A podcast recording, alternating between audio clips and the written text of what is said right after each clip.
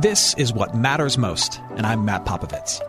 Look, life is crazier than ever, and lots of people, maybe even you, are feeling anxious and overwhelmed. Today's message is designed to help you figure out what's most important and to experience the peace and joy that God intends for you. Because life is a gift, and it shouldn't be wasted on worry. I'd like to give you a resource, something to help you navigate the road ahead. Just go to mattpopovits.com, click on the icon, and we'll send it to you. That's Matt, P-O-P-O-V-I-T-S dot com. And hey, if you happen to live in the Houston area, I'd love to see you on a Sunday morning at St. Mark in Spring Branch. Head to stmarkhouston.org to plan your visit. Here's today's message. Thanks for listening. We've been in a series over the last couple of weeks, and today we're landing the plane and we're finishing it out called Greater Than. And we've been looking at how Jesus and his message and his work of reconciliation between us and the Father is greater than everything else we tend to chase after in this world for meaning and for purpose and for significance. And today we close by talking about how Jesus is even greater than relationships. Yes, Jesus is greater than the relationship you have with your spouse, no matter how lovely your spouse is. And Jesus is greater than the relationship you have with your children, no matter how much you love them and hover over them and give all things to them. Jesus is greater than your best friend who's always been there for you.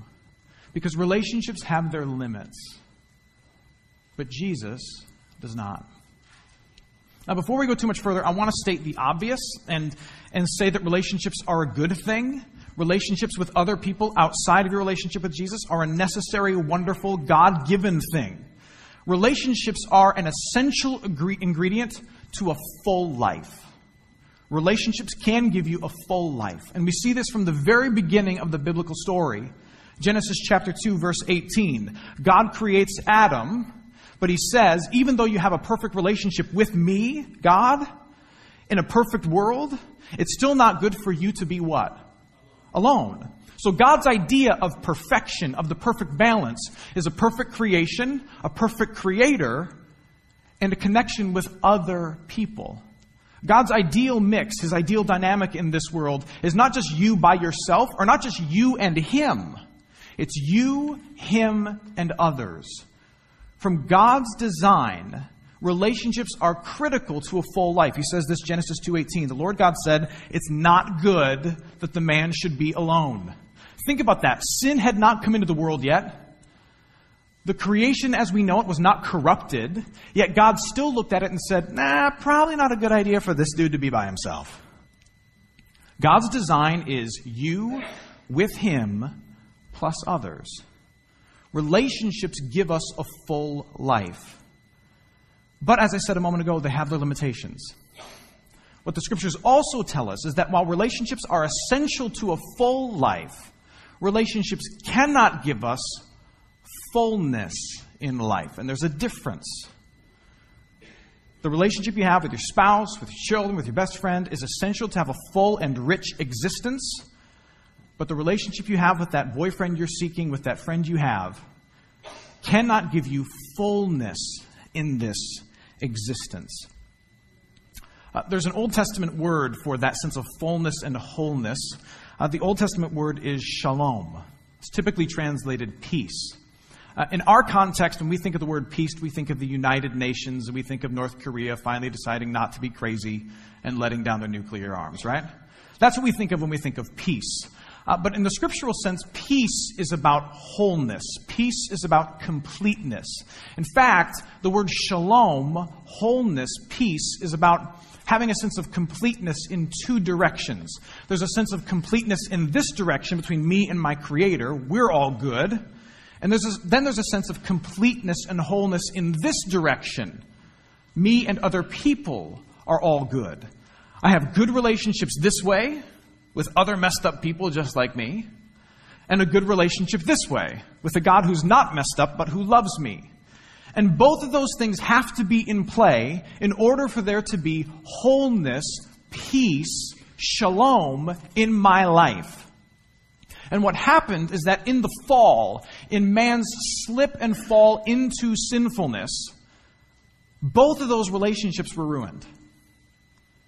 The connection this way was corrupted. We now use and abuse each other. And the connection this way was severed. God's holiness can have nothing to do with our brokenness. And the shalom, the peace, the rightness this way, the rightness this way, was completely severed. And now what you have happening is people who do not have a relationship with the Father, who intended for Him to be in connection with them, people who do not have a relationship with the Father, trying to get from people that which they can only really get from Him. We were designed to have shalom in two directions great relationships with grandkids, friends, spouses, but then also a great relationship with our Creator. And when this is broken through sinfulness and not restored through faith in Jesus, I will ultimately try to get what can only come from Him from other people who cannot give it to me. I will try to restore the shalom, the peace, the wholeness that is meant to come from you and from Him, from you alone. And then I will end up frustrated. And then I will end up using you. Or I will allow you to use me. I will end up angry. You will end up disappointing me. Because the shalom, the peace, must come from God and from others, not just from others alone.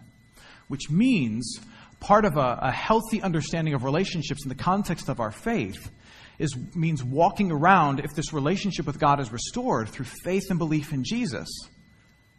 Walking around with an attitude that lets other people in this world off the hook. Understanding the limitations of relationships. Saying, look, my shalom runs in two directions. My wholeness and peace has two major players. And there are certain things I need from you as my spouse, certain things I need from you as my children, certain things I have to give to you as a spouse, certain things I have to give to you as your father. But there are certain things you can't give to me. And there's a certain level of peace and happiness and wholeness I can't give to you. And when we understand that, we will actually love each other better. We will actually love more generously. And we will actually have a lot more peace in our home. When I allow God, who can only give me God things, to give me God things, and I allow you, who can only give me you things, to give me you things. Relationships give us a full life, but they cannot give us fullness in life. Uh, so the obvious answer here is that the fullness we seek comes from a connection to Christ.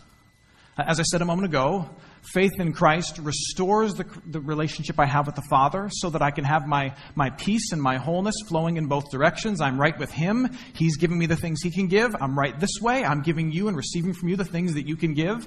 And Christ restores that connection so that I can have peace and shalom and wholeness in my life because I'm receiving from God and I'm giving and receiving to you. Um, this is what you see talked about in Colossians chapter 2, verses 9 through 10. This is one of those mind blowing verses that tends to be overlooked. But as I was studying it earlier this week, it was, um, it was really kind of messing with me in a good way. Listen to this Colossians chapter 2, 9 through 10. This is talking about the deity and the fullness of Jesus Christ, but it's also talking about us. It says, For in Christ, the whole fullness of deity dwells bodily.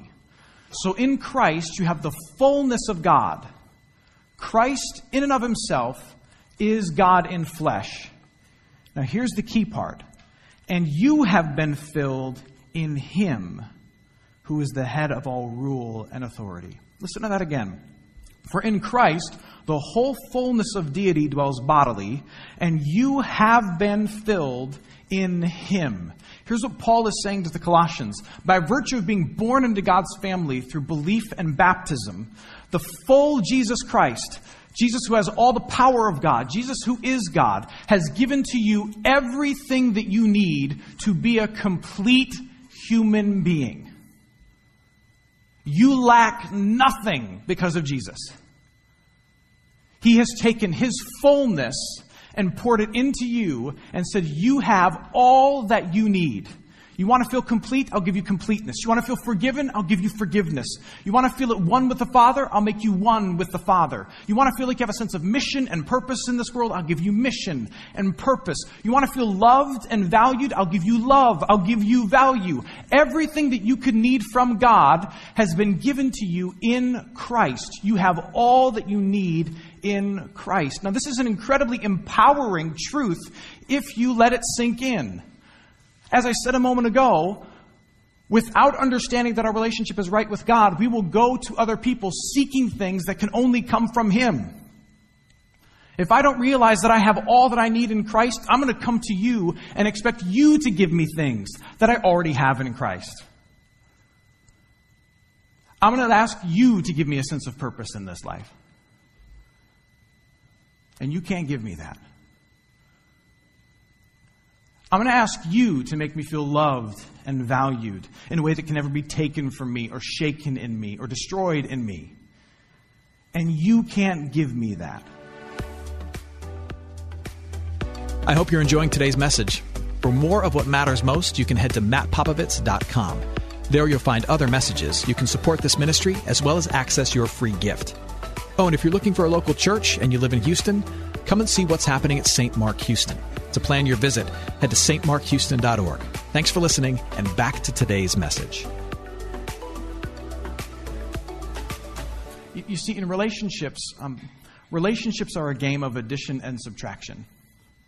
In relationships, if you want to get more out of a relationship, it's a game of addition.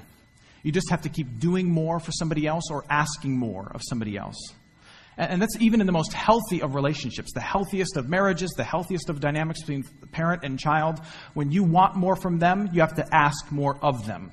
When they need more from you, you have to do more from them, do more for them.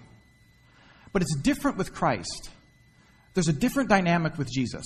It's not a game of addition, where if you want to grow in what Christ has done for you, you simply have to do more for Him. It's different. We grow in Christ not by addition, but, but more by nutrition.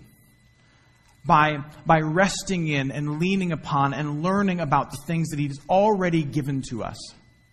Because you are already complete in Christ. And so to grow in Christ means to lean more on the things He's already done for you and the things He's already given to you rather than do more for Him or request more from Him. And that's a distinct difference between the relationship you have with Jesus and the relationship you have with others. To grow in your relationship with others, you got to do more and ask more.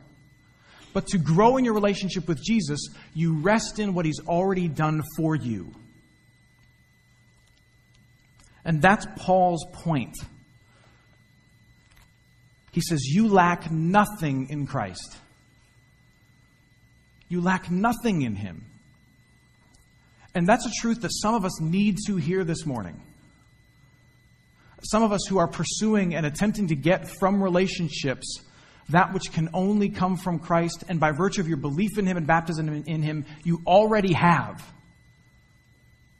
Attempting to get a sense of purpose from relationships that you already have in Christ that can never be taken from you. Attempting to get a sense of wholeness and completion that you already have in Christ that can never be taken from you. Attempting to get from a relationship that you're holding out for a sense of love and worth and value that you already have in Christ that can never be taken from you. And his calling upon you is to lean on him and rest in what you already have. You are loved as you are, you are complete as you are rather than chase what you have in Christ from others who can't give it to you anyway. And, and you see, as we do that, as we, as we attempt to understand that, that I have my wholeness and peace in Christ who's reestablished a connection with the Creator, I have everything I need from the Father, and, and, and I have good relationships here with other people, when I have all that I need in Christ, this frees me from frustration in myself and failure from the people around me.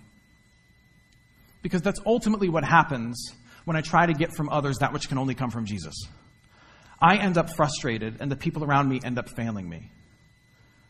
Uh, when, when Lisa and I were first married, one of the lessons Lisa and I learned really early on, and maybe you learned this too, is part of the calling of marriage is not to fix each other, but to be broken together. And in our brokenness together, having a shared faith is for the two of us to draw from Christ and to get healing for the things that we can't heal in each other. And to have the one safe place where I can say, look, there's certain things you can't give to me, but you're going to let me get this from Christ and get healing and be whole and be and be accepted as I am and you're going to accept me as I am and I'm going to get healing from him and I'm going to love you the best I can. Rather than ask you to fix me or you demand that I help fix you or just put up with you forever.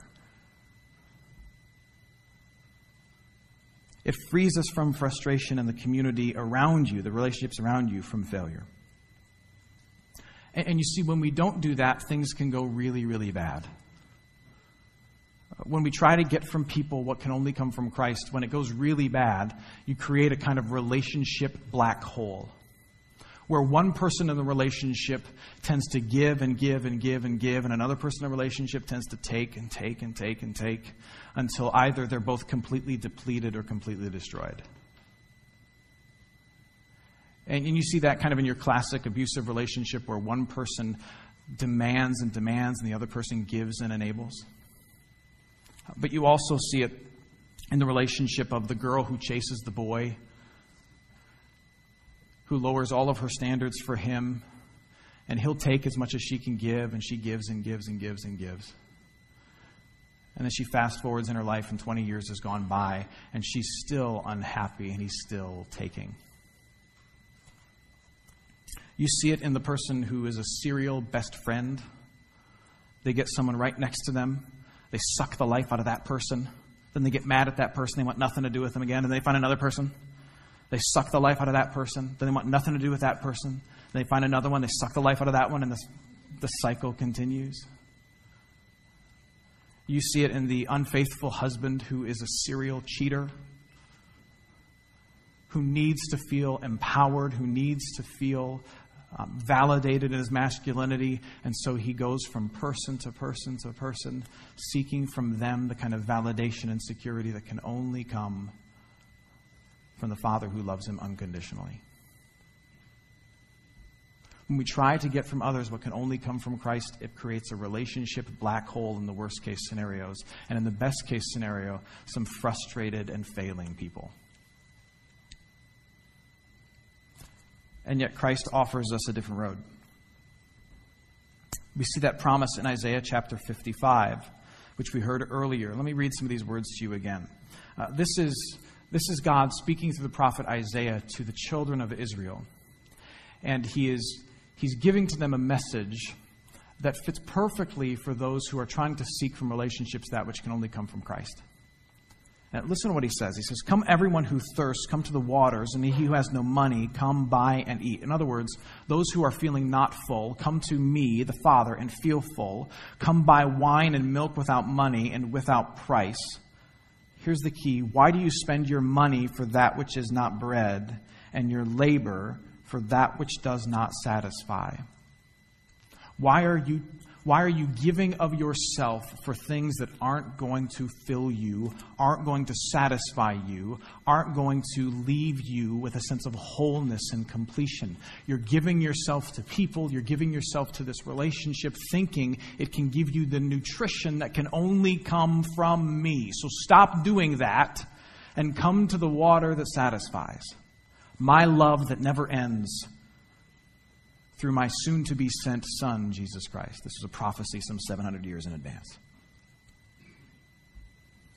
And, and when we come to the water that satisfies, there is a new freedom that emerges. Christ frees me to love people rightly. Some have said, you know, Matt, so, so uh, what I sense you're saying is that, you know, Christ is the top of my relationships, and then my spouse or my children, whoever, becomes the second or third tier of the relationship. Uh, the, the, the totem pole of priority goes Jesus, everybody else. And that just seems wrong. Shouldn't it be everybody else and kind of Jesus on the same playing field? Because I want to be a good parent, I want to be a good spouse, I want to be a good best friend, I want to be a good sister. So why should Jesus be first? Doesn't that make me mean to other people? And what I would say was no. That actually frees you to more generously and more selflessly love other people. Because when Christ is first, he gives you the wholeness that only God can give, and you are no longer seeking from others that which they cannot give you. And so you know that your wholeness and completeness is in Christ, and you are now selflessly giving because I'm not giving to you because of what you can give back to me. I have what I need in Jesus, so now I can simply give you what you need as a human being. And I can be generous with my love because I know that I have all that I need in Christ. So if I, if I lay it all on the line in loving you, I can be completely refilled by Him. If you need a lot of love, I can give you a lot of love. And I'm not going to walk around empty and dead. I will be resupplied from Christ who gives me everything I need. When I put Him first, it actually frees me to be more generous and selfless with my love. I have in Christ, now I can give to you. And what you're able to do is walk around knowing that, look, I can't fill anyone's cup in this world. Everyone has certain needs, and only God and others together can give person the shalom, the peace, the wholeness that they need. And I can only do so much. I can't fill anyone else's cup, so I'm off the hook. Pressure's off me. All I can do in life is make sure that my cup is empty as I pour into others, knowing that I will be full through Jesus. And I'm free to give to as many people as possible. Christ frees me to love rightly, to get other people off the hook for that which they cannot give, and to more generously and selflessly offer myself to others. Relationships reach a limit that can only do so much. You were meant to have peace in this world, but that peace flows from two directions from the people around you and from the Father who made you.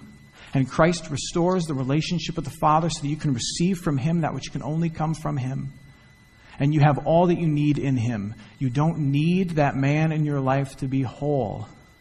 Christ makes you whole so that you can serve and love and encourage that man when he comes along. And there's a difference. You have all that you need in Christ. And so, as your pastor and your friend, I'll just leave you with this question today Are you asking a relationship for things that can only come from God in Christ? And at times we all do that. Are you asking of a relationship certain things that can only come from God in Christ? Wholeness, completion, mission, purpose, identity, meaning,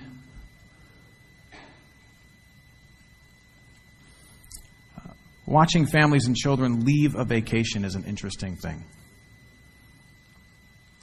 In a best case scenario, they leave happy, but they still look at each other man, saying, Man, when are we going to get to do this again?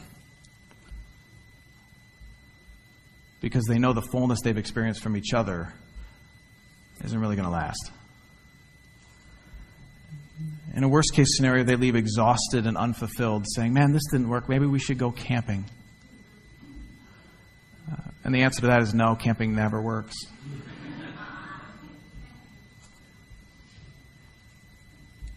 They leave happy, they leave exhausted, they leave with more plans. And people leave a relationship feeling like they have a full life, but they never leave with fullness in life. Because that can only come when two ingredients are in play a connection with the Father restored through Jesus Christ, who gives you all that you have, that flows through you into other people who need what you can give to them. May we not be a church and a people who ask of others that which is already ours in Christ. And may that free us to love people well,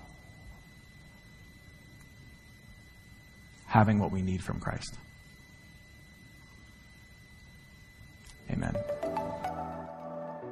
Hey, it's Matt. I hope you enjoyed what matters most.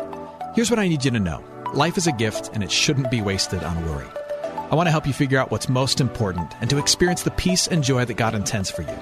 So, for more content, you can head to mattpopovits.com. That's Matt, P O P O V I T S.com. There you can also support this ministry as well as access your free resource, a little something to help you navigate the road ahead. I'd also love to see you on a Sunday morning. If you're in the Houston area, head to stmarkhouston.org to plan your visit. In the meantime, hit me up on Instagram at mpopovits or at facebook.com slash Ministries. Thanks for listening. Now go and hold tight to what matters most.